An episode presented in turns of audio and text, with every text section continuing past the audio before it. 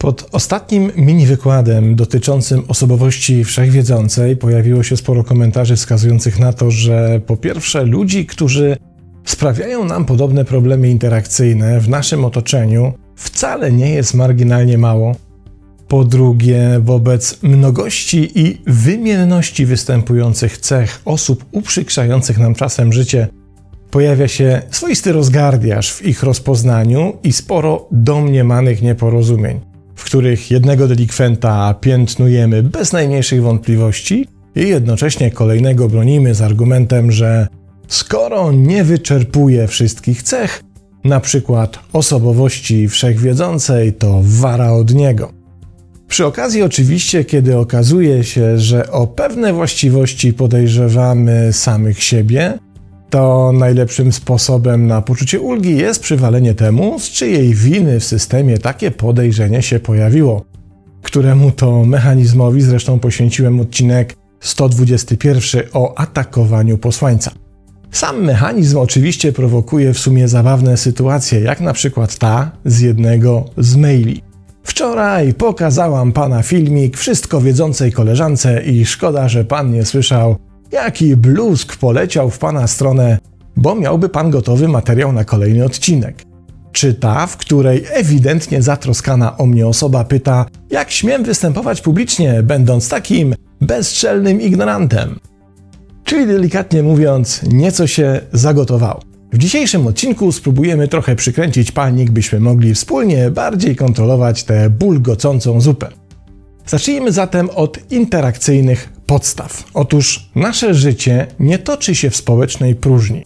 O ile oczywiście nie zreiterowaliśmy na jakieś samowystarczalne pustkowie, lub nie bawimy się aktualnie w Szymona Słupnika, przy czym temu ostatniemu ktoś przecież donosił żarcie, nawet jeśli podawał je na długim kiju.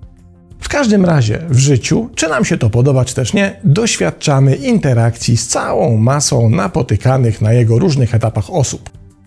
Jedne z tych interakcji są bez znaczenia, inne zaś mają znaczenie kluczowe dla tego, czym się zajmujemy, z czego i gdzie żyjemy i jak funkcjonujemy.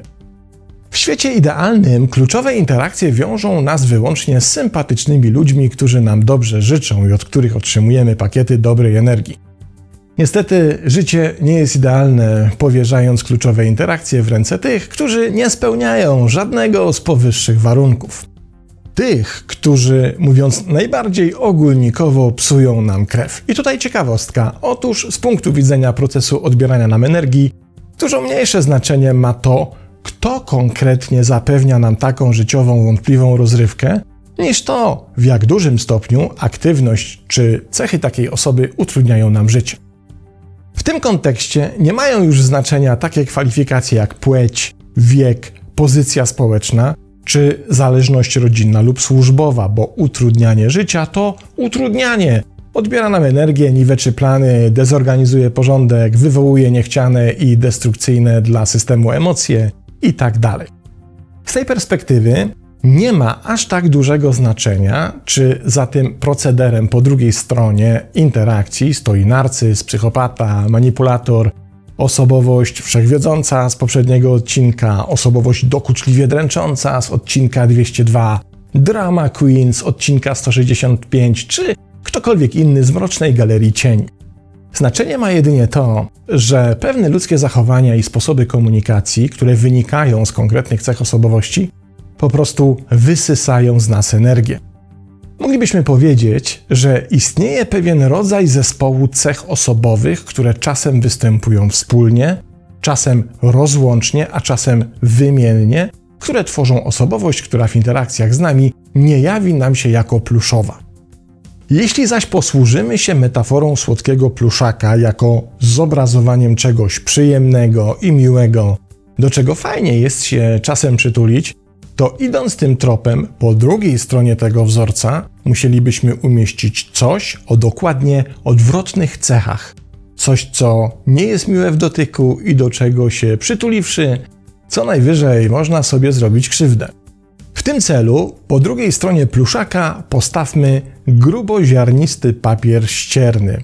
I nie jest to moja metafora, ale termin pojawiający się w badaniach i dotyczący osób o określonych cechach osobowości, które moglibyśmy określić jako dalece nieprzyjazne w stosunku do innych.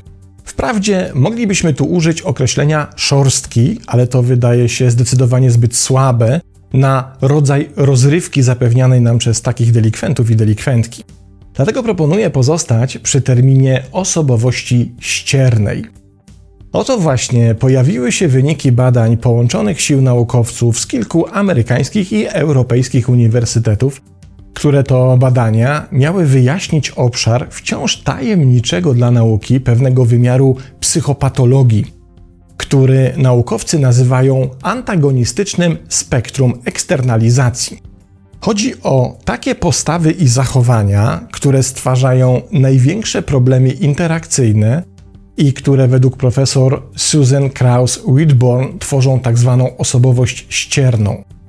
W badaniach tych pochylono się nad wynikami testów blisko 2,5 tysiąca osób z różnymi cechami. Wśród badanych 70% osób wykazywało cechy patologii osobowości, a 30% osób tendencje do zachowań antagonistycznych. Chciano ustalić, czy istnieje jakiś zestaw wzorcowych cech, które są wspólne dla nich wszystkich i po których występowaniu, zarówno razem, jak i oddzielnie, moglibyśmy ich w miarę skutecznie rozpoznawać, jednocześnie orientując się, jakie tak naprawdę cechy stoją za tym, że uznajemy interakcje z tymi osobami za trudne, odbierające energię czy wręcz toksyczne. W odkrytym zestawie cech pojawiło się sześć kluczowych, które w osobowości ściernej występują jedna lub więcej. Jako pierwszą naukowcy wymienili antyspołeczność, czyli tendencję do zachowań, w których nie bierze się pod uwagę ani szkodliwości społecznej swoich czynów, ani też emocji czy krzywdy innych. Na przykład na jednym krańcu skali znajdują się tu już konkretne przestępstwa, jak kradzież, a na drugiej zaledwie wydawałoby się niewinne kłamstewka, służące realizacji własnych celów bez oglądania się na utrudnianie życia innym.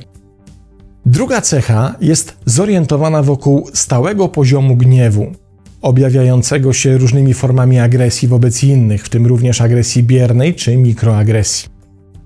Na trzecim miejscu znalazło się poszukiwanie uwagi, w którym z jednej strony pojawiają się zachowania prowokacyjne, a z drugiej strony przesadzone emocje obliczone na wywołanie konkretnego skutku na otoczeniu, w którym dany delikwent czy delikwentka dążą do uznania przez otoczenie, że ich emocje mają większą wartość od emocji innych.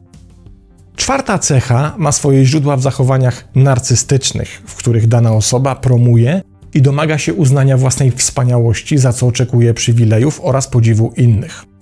Jako piątą cechę badacze wskazali dominację wrogości, czyli kultywowanie postawy antagonistycznej, w której sam sprzeciw czy niezgoda są dużo bardziej istotne niż to, przeciwko czemu się zwracają. No i ostatnia, szósta cecha to nieufność, w której prym wiedzie podejrzliwość wobec innych, podszyta elementami paranoi, w której dana osoba jest przekonana, że inni spiskują na jej szkodę. I to niezależnie od tego, jak wielką skalę spisku dostrzega, czy to zmowa kilku znajomych, czy też połowy świata. Mamy zatem sześć kluczowych cech osobowości ściernej, które wskazują, jakie zachowania osób, z którymi wchodzimy w konkretne interakcje, stają się dla nas na tyle dyskomfortowe, że odbierają nam energię i wpływają na znaczne pogorszenie nastroju w wyniku tych interakcji. Jednak to, co warte odnotowania, to fakt, że zdaniem naukowców te cechy wcale nie muszą występować wspólnie, bo w większości badanych przypadków wykrycie jednej z nich wcale nie przesądzało o istnieniu kolejnej.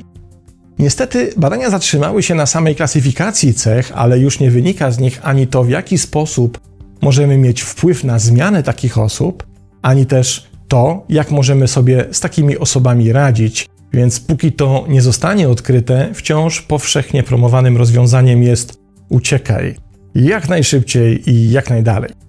Jednak zanim podejmiemy taką decyzję, lub też zanim pogrążymy się w rozpaczy wobec braku możliwości jej podjęcia, warto zwrócić uwagę na jeszcze jedną cechę. Tę, która nie pojawiła się w badaniach i na którą zwraca uwagę psycholog Sara Christensen. To cecha, która jak dla mnie znakomicie rozróżnia osobowość szorstką od osobowości ściernej. Bo przecież sama szorstkość obycia nie wydaje się jeszcze tak dokuczliwa jak ścierność. Różnica bowiem przebiega nie tylko w samej nazwie, ale na osi pasywny-aktywny. Przyjmuje się, że osoba szorstka to osoba ujawniająca swoją szorstkość w reakcji na interakcję, a to oznacza, że jej szorstkość pojawia się dopiero wówczas, kiedy po prostu czegoś od niej chcemy. Zatem w takim przypadku im mniej od niej oczekujemy i im bardziej pozostawiamy ją samą sobie, tym mniej jesteśmy narażeni na nieprzyjemną interakcję z jej strony. Przy odpowiedniej konfiguracji towarzyskiej, zawodowej czy rodzinnej da się zatem tak ustawić współistnienie, by zminimalizować jego dyskomfort. Prawdziwy jednak problem pojawia się w interakcji z osobowością ścierną, która tym różni się od szorstkiej, że sama inicjuje wrogą interakcję, bo jak podaje Christensen, skrywana niska samoocena i brak pewności u takich osób generują tak wielki strach przed krytyką, że na zasadach mechanizmu obronnego uderzają jako pierwsi. Wolą wyprzedzić domniemany atak, bo to daje im poczucie kontroli i jednocześnie wydaje się chronić ich słabość. Ścierne osoby są więc wyjątkowo groźne, bo same z siebie szukają powodów do zaczepki, konfliktu, wsadzania komuś szpilek czy konfrontacji, i to w każdej z sześciu wyżej opisanych cech. Jedynym zaś sposobem, by się przed nimi chronić w sytuacji, w których nie jesteśmy w stanie przed nimi uciec, jest świadomość, że w ich atakach, wbrew wszystkim pozorom, tak naprawdę nie ma nic osobistego. Zazwyczaj wymierzają je we wszystkich, którzy akurat znajdą się w ich pobliżu, bo problem w ich wypadku nie leży po stronie atakowanego, tylko atakującego. Co oznacza, że cokolwiek byś nie zrobił czy nie zrobiła, to na atak ścierny nie masz po prostu wpływu. Ich atak, ścierność czy prowokacja to efekt ich wewnętrznej walki z sobą, którą usiłują zagłuszyć walcząc z innymi. I nie mówię tego dlatego, byśmy nagle zaczęli ich wszystkich przytulać, ale wyłącznie dlatego, byśmy mogli się również zreflektować, czy czasem nasze zachowanie wobec innych, nawet te wydawałoby się najbardziej niewinne, nie jest efektem podobnego mechanizmu. Pozdrawiam.